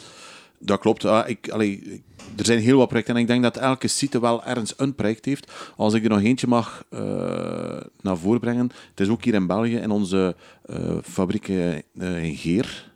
dat is tussen Hoei en Luik in de regio Gaspenhouw. Uh, daar hebben we eigenlijk ook een heel belangrijke fabriek voor Ardo. En daar is eigenlijk ook een soort samenwerking met uh, heel wat natuurverenigingen, waar ik een groot, uh, het is geen waterbekken, maar laten we zeggen een aantal vijvers, meren, die wij, laten we zeggen, gebruiken om ons gespoeld afvalwater komt daar terecht. We gebruiken dat met momenten ook om... Dat, dat, water kunnen we ook ergens gebruiken. En ook de boer kan dat gebruiken, als ik niet vergis. Maar daar is eigenlijk heel wat in geïnvesteerd rond dat uh, gebied naar vogels toe om daar eigenlijk een ideale isotoop te creëren voor trekvogels. Dus ik denk dat dat ook zijn, allez, zeker zijn, zijn, zijn waarde heeft uh, voor de omgeving ja. en voor iedereen uiteindelijk in de buurt. En ik kan me voorstellen dat het spoelwater van groenten nu niet echt zwaar vervuild is. Dat is niet zwaar vervuild, uh, maar dat ondergaat toch een, een proces om het eigenlijk, eigenlijk weer helemaal proper te maken voor het eigenlijk naar, uh, naar die vijvers en die, uh, dat opvangbekken bij ons en Ardoe uh, terugkeert. Ja, ja. Allee, ik kan me wel voorstellen dat er, dat er wat vuil in zit natuurlijk, ja. maar het is niet vervuild, alle nee, zware metalen. Nee, ja, uiteraard niet. uiteraard niet. Nee. Ja, dat, dat zijn wel allemaal, uh, allemaal interessante verhalen natuurlijk, uh, om, om, om dingen waar te maken. En om, om, dingen beter te maken. nu, een andere stap in het project, dat is ook de eindconsument. Of dat dan nu een professionele chef is die voor duizend mensen per avond moet catering voorzien. Of dat dat de huistuin- en keukenchef is ja, die weten soms ook niet altijd wat te doen met, met jullie producten, neem ik aan. Um, die zien dat wel en die denken van, ah, dat is interessant, maar ja, en nu? Um, daar werken jullie toch ook rond uh, trainings en educatie ja, en opleidingen, als ik me niet vergis. Hè? Klopt, wij denken, er zijn twee zaken. Er zijn rond vriesverse groenten zijn er sowieso nog wel wat vooroordelen. Hè? Uh, van, uh, ik, ik, hoor nog altijd mensen zeggen of denken van ah, die dat eigenlijk niet verkocht raakt op de versmarkt, ah, dat vriezen dan in. Dus ik denk dat we hier al wel duidelijk gemaakt hebben dat dat niet het geval is. dat, was het, dat was het verhaal van vroeger op metalen trays, bij ja, ja. Ja, ja, Dus dat is absoluut uh, niet, niet de case. Maar dat is inderdaad, allee, wij zijn met een, een team van een vijftiental culinaire adviseurs bij Ardo. wij werken vooral naar de professionele gebruiker toe, dus de chefs, alle, uh, de chefs in het breedste zin van het woord. En dat is eigenlijk een beetje onze taak, hè, het, het, het informeren, inspireren van, van die klant, van hoe en wat zijn de mogelijkheden met, met onze producten. Ja, dat is inderdaad een, een heel belangrijke taak voor ons. En daarnaast, voor, voor uw team, heeft je nog veel webinars? Ja. Webinars waarbij ja. dat we trainings geven als er een nieuwe innovatie op de markt komt. Meestal hebben we al een idee van als er een speciaal product op de markt komt van oké, hier moeten we een aantal recepten mee maken. Gaan zowel Peter als ik recepten daar gaan rondmaken voor de Ardo-website. Is, dat, is dat dan, als, als, als je zegt een nieuw product, dan denk ik bijvoorbeeld die snacking, wat je het over had, die ja. groenteburgers, noem maar op, om daar dan dingen mee te doen? Want ik heb zo het gevoel dat iedereen wel weet wat ze met boontjes of spinazie moeten doen. Ja en, en nee. Uh, iedereen weet wat ze met boontjes en spinazie moeten doen. Uh, maar je kunt veel meer doen met een boontje en spinazie dan dat er gemiddeld gedaan wordt. dat is een goede antwoord. Ik, allee, wil, ik, wil ik zeggen, uh, allee, we hebben dat twee jaar geleden gemaakt, eigenlijk. Uh, en die, die vraag komt heel vaak ook uit, uit de grootkeuken. waarin dat, zij zijn echt op zoek van hoe kunnen wij meer variëren met groenten. En je kunt inderdaad je spruitje, dat kun je gewoon met peperzout en muskaat klaarmaken. Maar je kunt er ook wel wat leukere dingen mee doen. dat, dat kan met een appeltje, dat kan met beetbacon, dat kan met een teriyaki saus erbij, dat kan gewoon in de oven gebakken worden in plaats van gestoomd. Dus in die, in die zin proberen we daar ook wel wat uh, te innoveren met onze basisproducten. Maar uiteraard ja, proberen we ook heel vaak onze innovaties te gebruiken om, om die variatie te brengen in de keuken. En een van de trends dat je ziet is dat er veel uh, personeel moet bezwaard worden in, in groot verbruik. Uh, ook het... Ze zijn er gewoon niet. Ze zijn er, ze zijn er gewoon niet. ik ging net zeggen, het is niet enkel groot verbruik, ook heel veel horecazaken ja, voilà, die, die, die, staan te smeken om personeel, die vinden de juiste mensen niet. Um, ja, als je dan je menu wil uh, aanleveren, dan moet je soms keuzes maken. En is een, een, een diepvriesproduct waar je niet meer aan moet keuzen, net iets aantrekkelijker dan uh, een vers product waar er heel veel keuzwerk is. Voilà, voilà. Dat, daarmee gaan wij ook dit type producten ontwikkelen, waarbij dat cru gezegd soms uh, idiot-proof moet zijn, waarbij dat, uh, mensen het gewoon moeten opwarmen en, en niet meer bij nadenken. Is dat een microgolf of een oven of zo verder? Voor het echt groot verbruik, catering en zo verder, gaan wij al gaan denken aan gekruide producten. Ik zeg maar iets, een, een, een spinazie die gekruid wordt. Een klassieker is roomspinazie, maar dat gaat al tot eh, ingevroren blaadjes van spinazie met gegrilde groenten erbij, met een, met een mediterraanse kruiding en zo verder. Zodanig als... Dat is dan wel heel gemakkelijk dat je gegrilde groenten uit Zuid-Europa kan laten aantrekken. Eh, eh, ja, dat is wel... allee, voor ons als productontwikkelaar is dat wel natuurlijk eh, enorm leuk dat je zoveel producten beschikbaar hebt en dat je zegt van oké, ik wil dat er een keer insteken of dat een keer gebruiken. En ehm, dat is wel leuk werken natuurlijk op die manier, maar de concepten moeten altijd wel kloppen waar dat je iets mee mengt. Het is niet dat je zomaar iets kan mengen die Op hoop van waarschijnlijk, eh, zegen. Op hoop van zegen, op hoop van zegen. Dat moet allemaal afgestemd worden met de productie. Eh, hoeveel gaat er beschikbaar zijn? Ehm, gaat dat wel passen bij elkaar? Gaan die kooktijden hetzelfde zijn? En zo verder. Dus ehm, dat is niet zomaar een keer, we gaan hier een keer iets eh, samengooien. Dus er, er, wordt echt wel al nagedacht voordat er in de keuken toegekomen wordt, bij manier van spreken. Absoluut, absoluut. En we krijgen meer en meer vragen om, om ja, grote caterbedrijven die moeten ontlast worden, die, ik zeg maar iets, eh, te weinig personeel of te weinig goed opgeleid personeel hebben, die niet willen nadenken. Ook restaurantketens zo snel mogelijk doorgeven, maar een kwaliteitsvol product willen leveren. Dan moeten wij het werk al doen op voorhand, ehm, zodanig dat, er, ja, dat je niet meer moet afkruiden, dat je niet meer moet, moet nadenken dat er, eh, dat er iets tekort is of zoiets. Ja, dat betekent dat je eigenlijk ook heel vaak nog zelf de baan op moet om dat in real life te gaan zien.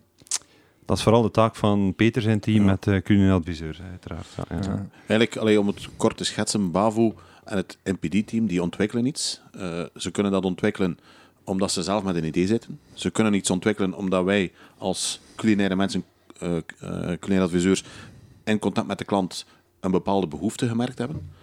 Of ze gaan iets ontwikkelen samen met de klant, dat kan ook. Eh, Dat kan ook, ja. een keer dat dat product ontwikkeld is, dan is het aan ons om dat product te vertalen naar concepten, ideeën, recepten, inspiratie voor een divers publiek van eindklanten. En ik kan u zeggen dat het publiek is heel divers. Dat kan een frituur zijn, dat kan een slager zijn, dat kan een cateraar zijn, dat kan een brasserie zijn. Maar dat kan ook een hele grote centrale keuken zijn die, die 30.000 maaltijden per dag klaarmaakt. Het kan iemand zijn die zegt van, "Goh, ik maak eigenlijk meer koud slaatjes, ik maak buffetten en dergelijke meer. Dus proberen wij die producten eigenlijk zo breed mogelijk, in een zo breed mogelijke zin in te zetten en eh, ideeën en inspiratie te maken voor die professionele klant. Ja, wat, wat ik bedoelde was, je gaat dan de baan op en je ziet bijvoorbeeld peterseliewortel dat veel gebruikt wordt. Dat is dan een voorbeeld dat het omgekeerd gebeurt. Niet dat jullie ontwikkelen ehm, voor, maar dat je een ontwikkeling ziet en dan gaat eh, kijken hoe je dat kan eh, aanpassen voor je klanten, toch? Ja, soms moet je daar niet de baan voor op. Als je social open doet, Instagram en dergelijke meer, kun je heel makkelijk heel veel trends eh, op, oppikken ook. Hè. Dus, maar het is inderdaad, het is een stukje, ja, het is een wisselwerking. hè. Het is, het is zien, het is horen, het is ja, ervaren.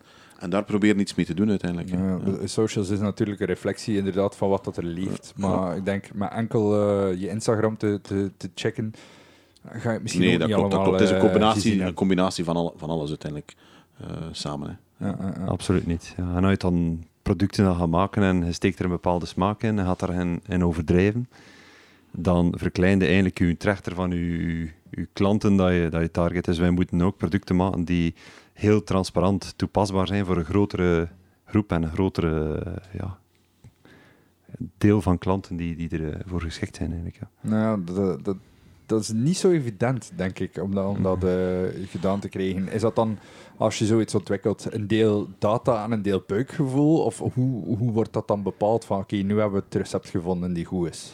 Dat is inderdaad een combinatie van beide en ook eh, luisteren naar uw klant, wat, dat, wat dat er verwacht wordt. Veelal wordt dat gestuurd door klanten uit. Dus zeg maar iets, 80% van sommige innovaties komen uit een, een vraag van klanten en 20% gaan we proactief gaan behandelen, waarbij dat we met een idee of een concept zitten die we gaan uitwerken met groenten.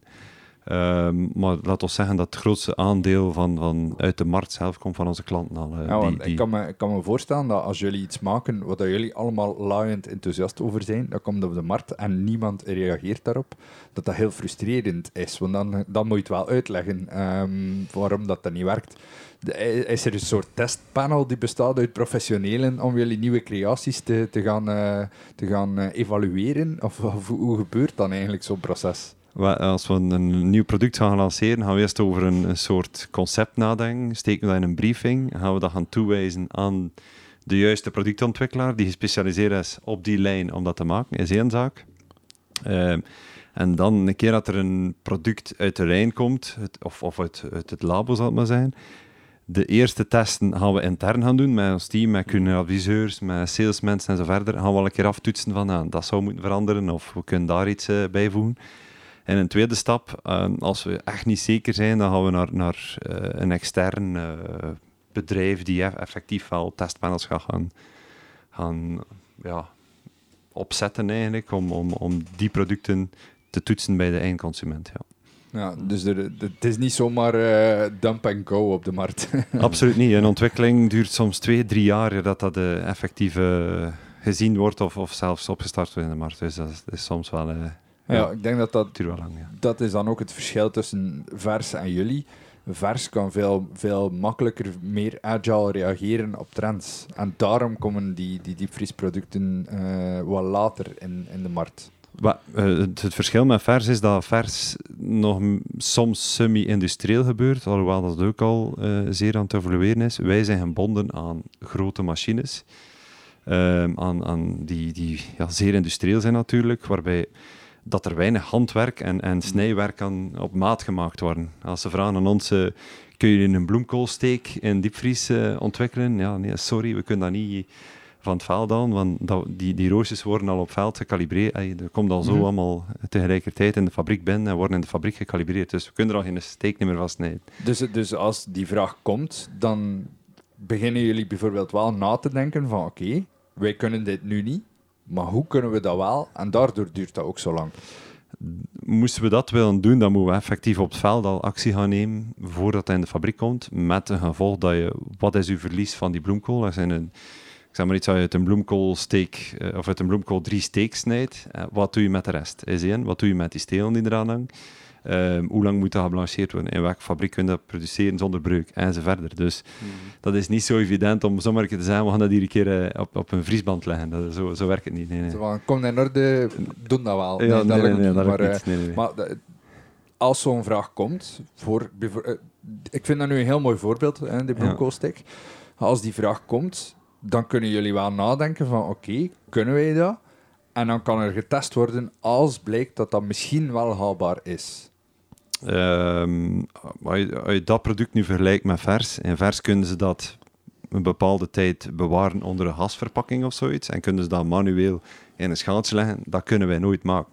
De rest van de bloemkool kunnen ze verwerken als bloemkoolrijst, wat dat wij ook doen, bloemkoolrijst voorbeeld, dat is ook een, een mooi voorbeeld. Kunnen wij dat allemaal tegelijk doen in fabriek? Nee, dat kunnen wij niet doen. En dan zeggen wij carrément, uh, dit, dit lukt niet voor ons in die vries.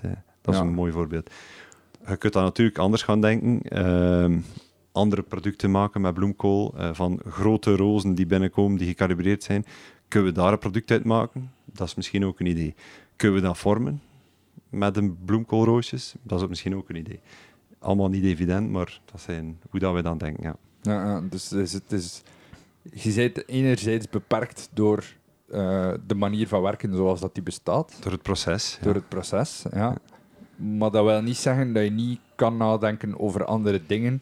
Maar wel, soms moet je dan klanten teleurstellen van hetgeen dat je wilt is tof, maar wij kunnen dat echt niet, omdat dat proces dat niet toelaat. Voilà, voilà. Daarin zijn we wel beperkt in innovatie, dat, er, uh, dat niet alles zomaar mogelijk ja, is. Want, ja, als je logisch denkt, zo'n bloemkoolsteek, ja, dan zeg je inderdaad van oké, ja, die stiks, je, je doet dat.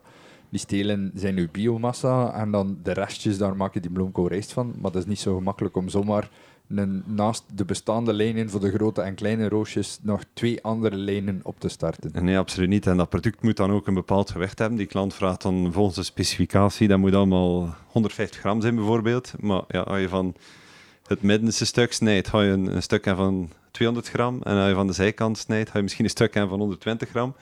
Dus we kunnen dat ook niet gecalibreerd krijgen in, in een juist formaat. Uh, dus ik vermoed dat dat voor ons dan een moeilijk geval is in innovatie. Ja, ja, ja.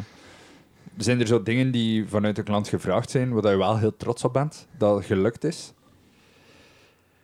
Uh, er zijn er uh, zeker een aantal. Een, een van de mooiste voorbeelden, dat, het grootste volume dat we doen, is voor bloemkoolrijst. Dat is een, een, een, mooi voorbeeld. Dat is een trend die vanuit Amerika gekomen is om rijst te vervangen, om laag koolhydraten uh, dieet te hebben. Ehm, daar doen we heel groot volume van. Ehm, goh, dingen eh, die gevraagd zijn van klanten. Op dit moment, ja. Er zijn er wel zeker hoor, maar, maar ik kan er niet direct op iets komen eigenlijk. Maar Ik denk dat- dat er heel wat mooie innovaties op vraag van klanten gekomen zijn op het gebied van groentesnacking. Hè. groentesnacking, ja, ja, ja. Als we, wij met een concept komen, eh, die, die veggie fingers die we nu gelanceerd Ja. hebben, eh, fantastisch concept. Eh, kunnen we die verbeteren voor bepaalde klanten? Doen we dan een heel specifieke receptuur eh, voor in Amerika of zo, met een heel mooie eh crème er rond of een, een paneermeel er rond. Eh, dat, Dat is wel leuke. het, het vegetarische alternatief voor de, voor de vissticks. Ja, ja, dat is een voorbeeld ervan. Ja, ja. Maar wij gaan dan meer op snacking denken, zo appetizer, eh, zo tapasplanken en zo verder. Ehm, hamburgers doen we ook, ja. Ehm, wat één mooie re- realisatie goh, die we gedaan hebben, is, eh, zijn de beatspekjes. Dat is wel een, Mhm. een populair product waar Ardo wel in, in beeld meegekomen is. zijn kleine ja, spekblokjes eigenlijk van biet, waar we een gerookt aroma gaan opzetten. Die zijn dan voorgefrituurd. En als je die biet voorfrituurt, krijg je een soort zoetere smaak in die biet. Door de suikers die karamelliseren door te frituren. Maar die aardesmaak die mensen niet leuk vinden of die niet lekker vinden, die gaat eruit. We steken dan een soort gerookte smaak op, waarbij dat je ja, een, een, Een leuke topping krijg je voor op een, een, op een topping. spiegeleitje, op een slaatje, op... Een eh, pasta carbonara, op een pizza, op, eh, op van alles nog, een salade, heitenkaas en zo Mhm. verder. Dus ehm, dat is wel een heel leuk item waar we wel fier op zijn. Eh, er zijn natuurlijk nog veel. Eh, Nou, het is onmogelijk natuurlijk om alles hier één per één te gaan aflopen. nee, nee, dat hè. gaan we niet eh, doen. nee, dat gaan we Ik niet denk, doen. denk dat we ook niet de tijd hebben eh, om, om hier zes uur naar die opleiding te luisteren. Nee, nee, nee. Ehm, maar het is, oh, dat zijn wel dingen waar je mee bezig bent en die, die, die het leuk maken om dan eh, achteraf zoiets te hebben van oké, dat is een, een, een dwaze beat bij manier van spreken, maar het is aan dit geworden. Ja, voilà. Dat is wel iets om, om, om fier op te zijn, om, om zoiets te maken uit de groente. Waar je echt van nul uit je hoofd zo'n idee op, op tafel legt. Ja. Ja, dat, is altijd, eh, dat is altijd leuk om, om, om dat dan gerealiseerd te zien. Als je dan in, eh, in een eh, groothandel rondloopt en je ziet dit liggen, dan denk je van, ja, wij hebben dat toch maar gedaan. Ja, ja, dat brengt ook een bepaalde populariteit over het merk en wat dat daardoor voor staat. is één. En dat zorgt ook dat klanten u zien als innovator, is één.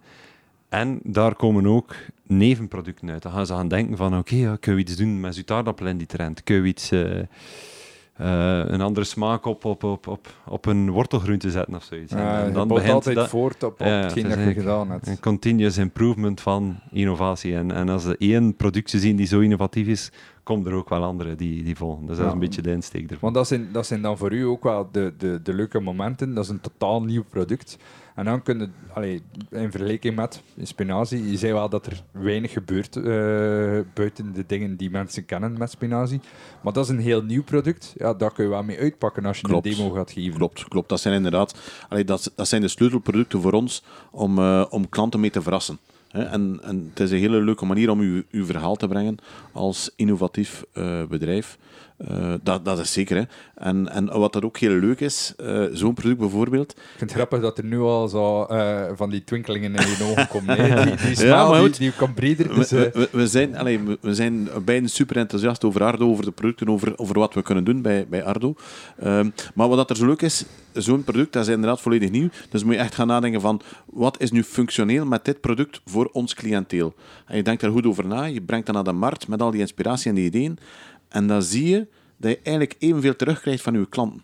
Want zij hebben ook nog andere ideeën. Die zijn ook creatief, dus die komen ook met andere ideeën. En dat is zo leuk, dat je eigenlijk een stukje je eigen, je collega's ideeën kunt gaan verkondigen aan klanten, maar eigenlijk ook ideeën van andere klanten kunt doorgeven aan, aan terug andere klanten. En dat, dat, maakt zo, ja, dat maakt het eigenlijk zo boeiend en zo interessant. dat, ja. Het lijkt mij dat, dat jij dan eigenlijk wel een, eh, een, een geprivilegeerde plek zit. Ja, omdat ik, je- ik voel omdat- dat wel zo aan. Want eh, ik heb vroeger ook een, een bedrijf gehad die leverde aan, aan, aan horeca. En dan vond ik het altijd fascinerend hoe dat je soms een chef kon laten proeven van iets.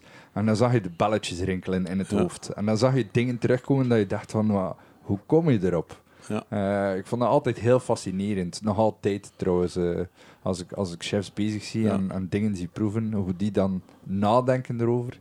Dat is wel heel leuk. Het is eigenlijk er- ergens, vertrekt vanuit een, een product. En dat product triggert je om na te denken van wat zijn hier nu al de mogelijkheden mee? Wat kan ik daarmee van leuke dingen mee doen? En, en dat, dat is gewoon een heel leuk gevoel om dan ook ja, daar, daar iets te creëren. En je ziet, ah, dat wordt effectief ook gebruikt. Hè. Even op die vingers terugkeren. Uh, eigenlijk een, een, heel tof product, uh, heel kleurvol. Uh, het, is, het heeft smaak, het is krokant, heel makkelijk te bereiden. En dan is het ook terug aan ons om, om ervoor te zorgen dat je iets brengt, dat je dat op een beurs, op een event, op een demo, dat je dat brengt dat het opvalt. En we hebben die toen eigenlijk gewoon op stokjes in een vaasje met een bloemetje, met een, klein beetje humus erop, een bloemetje erop, dat zoals een boeketje was. En we merken dat het product is zeer goed, maar dat het vooral ook hoe je het brengt naar de klant, dat dat zo belangrijk is, dat het opvalt, dat het blijft hangen in het hoofd. Hè. Want op een beurs zien soms honderd nieuwe producten. Ja, als, je, als je spreekt bijvoorbeeld over de Horeca Expo, de, de grootste beurs uh, voor horeca van Vlaanderen, ja, daar staat heel veel en dat is heel druk. Ja. En je onthoudt echt niet alles wat dat je niet per se uh, allee, op, uw, op uw agendalistje stond. Klopt, klopt. En dus dat is, dat is eigenlijk onze taak om ervoor te zorgen dat, dat de producten opvallen. Uh, dat, dat de klant getriggerd wordt ook om, om ook naar onze stand uh, te komen. En dat is ook een, een verhaal van een relatie hebben met uw klant, maar ook, allee, en, uh, maar dat, straks even kort over social, maar probeer daar heel actief op te zijn. En we merken wel dat dat ook toch een, een respons heeft in de zin van ze komen op de stand en het is nu, ah, ik heb het dan een keer tegengekomen, ah, dat ziet er tof uit. En ze hebben die presentatie gezien, het product gezien, dat je ergens een, een bepaalde herkenning of een herhaling creëert rond, rond een bepaald product of concept wat je brengt. Ja. ja. Dus uh, een heel boeiend verhaal. ik denk dat het Ardo-verhaal ook nog lang niet uitgeschreven is. zoals ik jullie hoor, blijft er onderzoek gedaan worden, blijven er dingen geoptimaliseerd worden. Maar ik heb ook de indruk dat jullie blijvend op zoek zijn naar nieuwe collega's. Uh, het, we zitten in een, in een regio waar er uh, heel veel werkgelegenheid is. Laat ons het zo zijn. Dus het, uh, de zoektocht naar nieuwe collega's, is in, alle profielen. Dat gaat van uh, techniekers, mensen die in, in, de fabriek machines bedienen, ploegleiders. Ik denk ook op kantoor IT, marketing, alleen noem het maar op. Er is, voor elk profiel is er wel een vacature uh, bij Nardo. En dat is bij heel veel mensen eigenlijk in, in de buurt van, van Roeselare, Kortrijk, Brugge. Er is heel veel werk in, in de regio, heel weinig werkloosheid. Dus uh, ik zou zeggen, zijn op zoek naar een, uh, een job en een, en een, en een leuk bedrijf. Vinden vind de groenten tof. Kijk zeker op de website, er is van alles te winnen. Ja, lekker eten daarvan houden is zeker een verplichting. Een, een, een verplichting uh, is misschien te sterk uitgedrukt, maar het is zeker een, een pluspunt. Goed, als mensen meer informatie willen vinden over uh, de dingen die jullie allemaal maken en allemaal doen, uh, over de vacatures, waar kunnen die terecht? Goh, we hebben eigenlijk een heel, heel mooie overzichtelijke website, ardo.com. Uh, daar kun je terecht en daar kun je eigenlijk alles terugvinden van producten, recepten, inspiratie, uh, vacatures, noem het maar op. Daar kun je eigenlijk uh, alles, alles terugvinden. Ook uh, de informatie en de inspiratie die jij levert aan, uh, aan klanten, kunnen die daar ook voor terecht? Klopt. Of, je, je, vindt er heel wat recepten. Het is wel zo dat een, een aantal zaken, zoals de webinars die we doen, die zijn eigenlijk afgeschermd voor onze professionele klanten op, op vandaag. Uh, maar eigenlijk vinden alle informatie voor de rest vinden zeker terug. Ja, want strikt, strikt gezien, jullie leveren niet rechtstreeks aan de, aan de horeca. Hoe kan een horecaklant uh, bijvoorbeeld wel uh, deelnemen aan jullie webinars? het is zo dat iedereen die bij ons gekend is als klant, die wordt daar op uitgenodigd via mail. Um, zij die niet bekend zijn, gaan we sowieso via social. Maken we heel veel allee, reclame of, of, laten we weten als een webinar doorgaat. Uh, het gebeurt ook dat we uh, kiezen voor een korte opname. soms is dat ook handig, waar je in, in, een, in, een, aantal minuten eigenlijk heel al de informatie over een product krijgt. En die dingen delen we ook via social. Dus op die manier kun je heel makkelijk heel veel informatie vinden van ons. maar laat het nooit, om op onze website, kun je eigenlijk ook gewoon uw e-mailadres, een paar gegevens nalaten en dan worden eigenlijk automatisch opgenomen in een systeem waar je eigenlijk alle informatie uh, kunt ontvangen of uitgenodigd wordt voor dergelijke webinars en dergelijke over, Ardo. Voilà, dan is het nu gewoon uh, een kwestie van de winkelrekken induiken kijken waar jullie producten liggen en uh, ermee aan de slag gaan. Hè. Ja, dat klopt. En allee, dus uh, het stukje de beschikbaarheid van onze producten. We hebben een hele brede range aan producten. ik denk voor foodservice in België gaat dat ongeveer over 600 verschillende producten. Dus er is geen enkele groothandel die al die producten beschikbaar heeft, uh, beschikbaarheid, be beschikbaar heeft excuseer, op stok. Dus het is een kwestie van met uw groothandel in gesprek te gaan. op het moment dat er toch iets vastloopt, dat hij zegt van verdorie, ik kom er niet toe om dat ene product waar ik zo graag wil mee werken eh, te bestellen bij mijn groothandel, dan kun je ook altijd via de website, er is een contactformulier, eh, contact met ons opnemen. Eh, dan kunnen wij daar zeker ook kijken hoe we daar kunnen verder helpen. Dan hoop ik dat de vacature voor onthaalmedewerker toch al ingevuld is, want anders blijven die liggen. Die, die is zeker ingevuld. Nee, nee. We, zijn, we hebben de gewoonte om heel vlot te reageren op vragen via website of andere kanalen. Ja, dat komt Voilà. zeker in orde. Ehm, zijn er nog tips die mensen wil meegeven over eh, diepvries? Want ik, eh, je zei al twee jaar eh, houdbaar. Er zijn toch nog een aantal dingen die je toch rekening mee moet houden. Als je je product open laat liggen in je vriezer, dat is niet goed. Nee. Zijn er nog dingen waar we eigenlijk een beetje op moeten letten? Ja, dus er is een houdbaarheid van twee jaar. Maar dat is een houdbaarheid.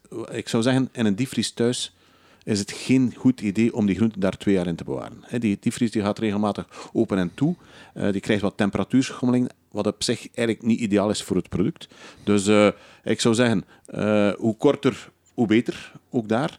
Ehm, een zak openmaken om er een deel uit te halen is ook geen enkel probleem, maar zorg ervoor dat die terug goed gesloten wordt. Anders krijg je een soort vriesbrand of vriesdroog op je product. Ehm, mijn advies is ook altijd om diepgevroren groenten diepgevroren te verwerken. Dat wil zeggen, als jij je boontjes eh, wilt klaarmaken en je wilt die eerst even in kokend water, eh, eventueel met wat zout erbij, eh, wat verder gaan garen, zorg dat je een grote hoeveelheid water hebt.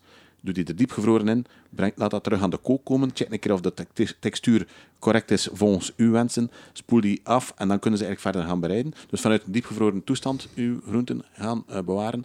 En zorg er ook voor dat uw, uw kookproces zo kort mogelijk is. Wat bedoel ik daarmee? Als je 1 kilo boontjes in 1 liter water gaat koken, dan zal dat ellendig lang duren en zullen zien dat je heel veel kleur eh, kwijtraakt. Eh, doe dat in veel water, in ruim water, en dan krijg je een heel mooi resultaat. Eh, en misschien nog een laatste. Er zijn ook wel wat groenten die het eigenlijk leuk vinden om in plaats van in water gekookt te worden, om die gewoon in de oven te bakken. Hè, wat vetstof, wat kruiden erover. Eh, en dat kan ook tot hele leuke smaak, eh, smaken en eh, een hele mooie textuur leiden. Voilà, dat zijn een paar heel waardevolle tips. Heb jij nog een aanvulling? Wat ik zou zeggen, ehm, dat, er, dat het goed is voor een keer te starten met te experimenteren met diepvriesgroenten. Voor de mensen die het nog niet gewoon zijn, of de mensen die het niet gebruiken, dat het zeker eh, aan te raden is om, om een keer te starten met, eh, met een wortelschijf, of een keer eh, spinazie te kopen, of bloemkool. En eventueel, ja, zoals Pieter zegt, het voorbeeld bloemkool gewoon vanuit diepvries een keer roosteren in de oven, met een beetje specerijen erover. En gaat zien dat het al een heel ander resultaat is dan, dan dat je gewend bent van diepvries. Ik heb misschien nog één laatste, als ik mag. Ja. Over het algemeen, voor, die, voor diepvriesgroenten heb je iets meer kruiding nodig dan dat je met verse groenten hebt. Wij blancheren onze groenten, dus blancheren in water, eh, eigenlijk zonder zout. Waardoor je eigenlijk, ja, waar we klassiek groenten blancheren in water met zout, krijg je automatisch al wat meer smaak in je groenten. Dus dat is eigenlijk iets dat moet gecorrigeerd worden. Dus wees niet bang om te kruiden. Voilà, dat is een, ik denk dat dat misschien wel de meest waardevolle tip ik denk is. dat dat een hele belangrijke is. Ik denk dat daar zeker ook mensen eh, tussen aanhalingstekens de fout gemaakt hebben om, om dan die vergelijking te maken. Maar ja, hey, dat, is, dat, is, dat is flats, dat is niet zo goed. Mhm. En dat is natuurlijk misschien omdat er minder gekruid is. Ja. Dus eh voilà, top. Ik denk dat dat zeker een, eh, een belangrijke is, inderdaad. Ja, dat is eh, een hele goede tip om, om mee af te sluiten. Alle informatie over Ardo die kan gevonden worden op jullie socials en de website. De contactgegevens enzovoort ook. Als ik me niet vergis, ik kan misschien wel verkeerd zijn, maar eh doen jullie ook bezoeken voor eh, Open Bedrijvendag? Eh, maar ik kan mis zijn hier, ik kan de bal eh misslaan. Het is zo dat we dat één keer gedaan hebben en dat was net voor ik begon bij Ardo en dat is ondertussen 12 jaar geleden. Ik dacht dat het Oei. 2008 was. Ja, ik we- dus zwaar verkeerd. Geze- Nee, maar verkeerd niet. Het is wel zo dat Ardo... allee, we hebben een hele mooie site eh, in Ardoje. En die kan, daar zijn zeker mogelijkheden, zeker voor professionele klanten. Eh, ik denk dan aan eh, ik zeg maar, slagersverenigingen, ehm, ik, ik, verschillende verenigingen van, van koks en dergelijke, meer keukenkoks en dergelijke. Daar zijn zeker mogelijkheden om ons op professionele manier te bezoeken. Het is ook zo dat er vanuit, dat dan eigenlijk niet vanuit de commerciële dienst waar ik toe behoor, eh, maar er zijn ook mogelijkheden om met verenigingen bijvoorbeeld het bedrijf te bezoeken. Eh, en dan verenigingen, dat kan dan eh Bavo help mij een keer wat voor de KWB en eh, dergelijke. Ja. Eh, nee, KWB, dat is de wielerbond zeker. Nee, maar Ja, de boogschuttershilde. Ja, en zo'n whatever, zo ja. dingen. Kun je eigenlijk gewoon een, een, fabriek doen aan, de- aan, aan, eh, een bezoek doen aan de fabriek. Ja, dus ik ben niet verkeerd dat er bezoeken mogelijk zijn. Bezoeken zijn is niet voor mogelijk, uh, nee. open bedrijven. Op aanvraag. Nee, op aanvraag. op aanvraag. Ja, ja, ja. Op aanvraag. En dat is ook via de site. Is Ja. er zo'n, zo'n ergens een, een hokje waar je kunt een aanvraag doen voor een bezoek aan, aan de site. En dat is wel de heel boeiend. En er is een functie eh, ingevuld voor onthaalmedewerker, dus je gaat ook antwoord krijgen. Inderdaad, inderdaad. Maar het is wel heel boeiend allee, om gewoon uiteindelijk het, het hele proces van het invriezen van groenten, dat is eigenlijk op zich een vrij eenvoudig, maar toch heel complex eh, proces. En het geeft persoonlijk heel veel vertrouwen om te zien hoe dat, dat verloopt. Het gaat er eigenlijk over groenten proper maken, ze wassen, ze blancheren en invriezen. Voilà. komt op neer. Goed. Heel simpel, maar toch zo complex. Alright, super. Peter, Pavel, merci om in deze podcast aanwezig te zijn. Ik hoop dat mensen ook wel inspiratie hebben om eh, het diepvriesvak eens van dichter te bekijken in de supermarkt en niet altijd als second option te gaan eh, bekijken. Als, eh, als alternatief voor, eh, voor de, de verse groenten, maar echt ook als waardig product op zichzelf. Zeker doen. Voilà. Voilà, Goed. graag Heren, gedaan. Dankjewel. Bedankt om te luisteren naar Overeten. Vond je het een leuke aflevering? Deel deze podcast dan zeker met andere foodies. Tag me gerust op Facebook of Instagram via @overetenpodcast. Honger naar meer? Dat is mijn maandelijkse nieuwsbrief vol eet, drink en luisterplezier. Schrijf je in via de website, dat is www.overetenpodcast.be. Bedankt en hopelijk tot binnenkort.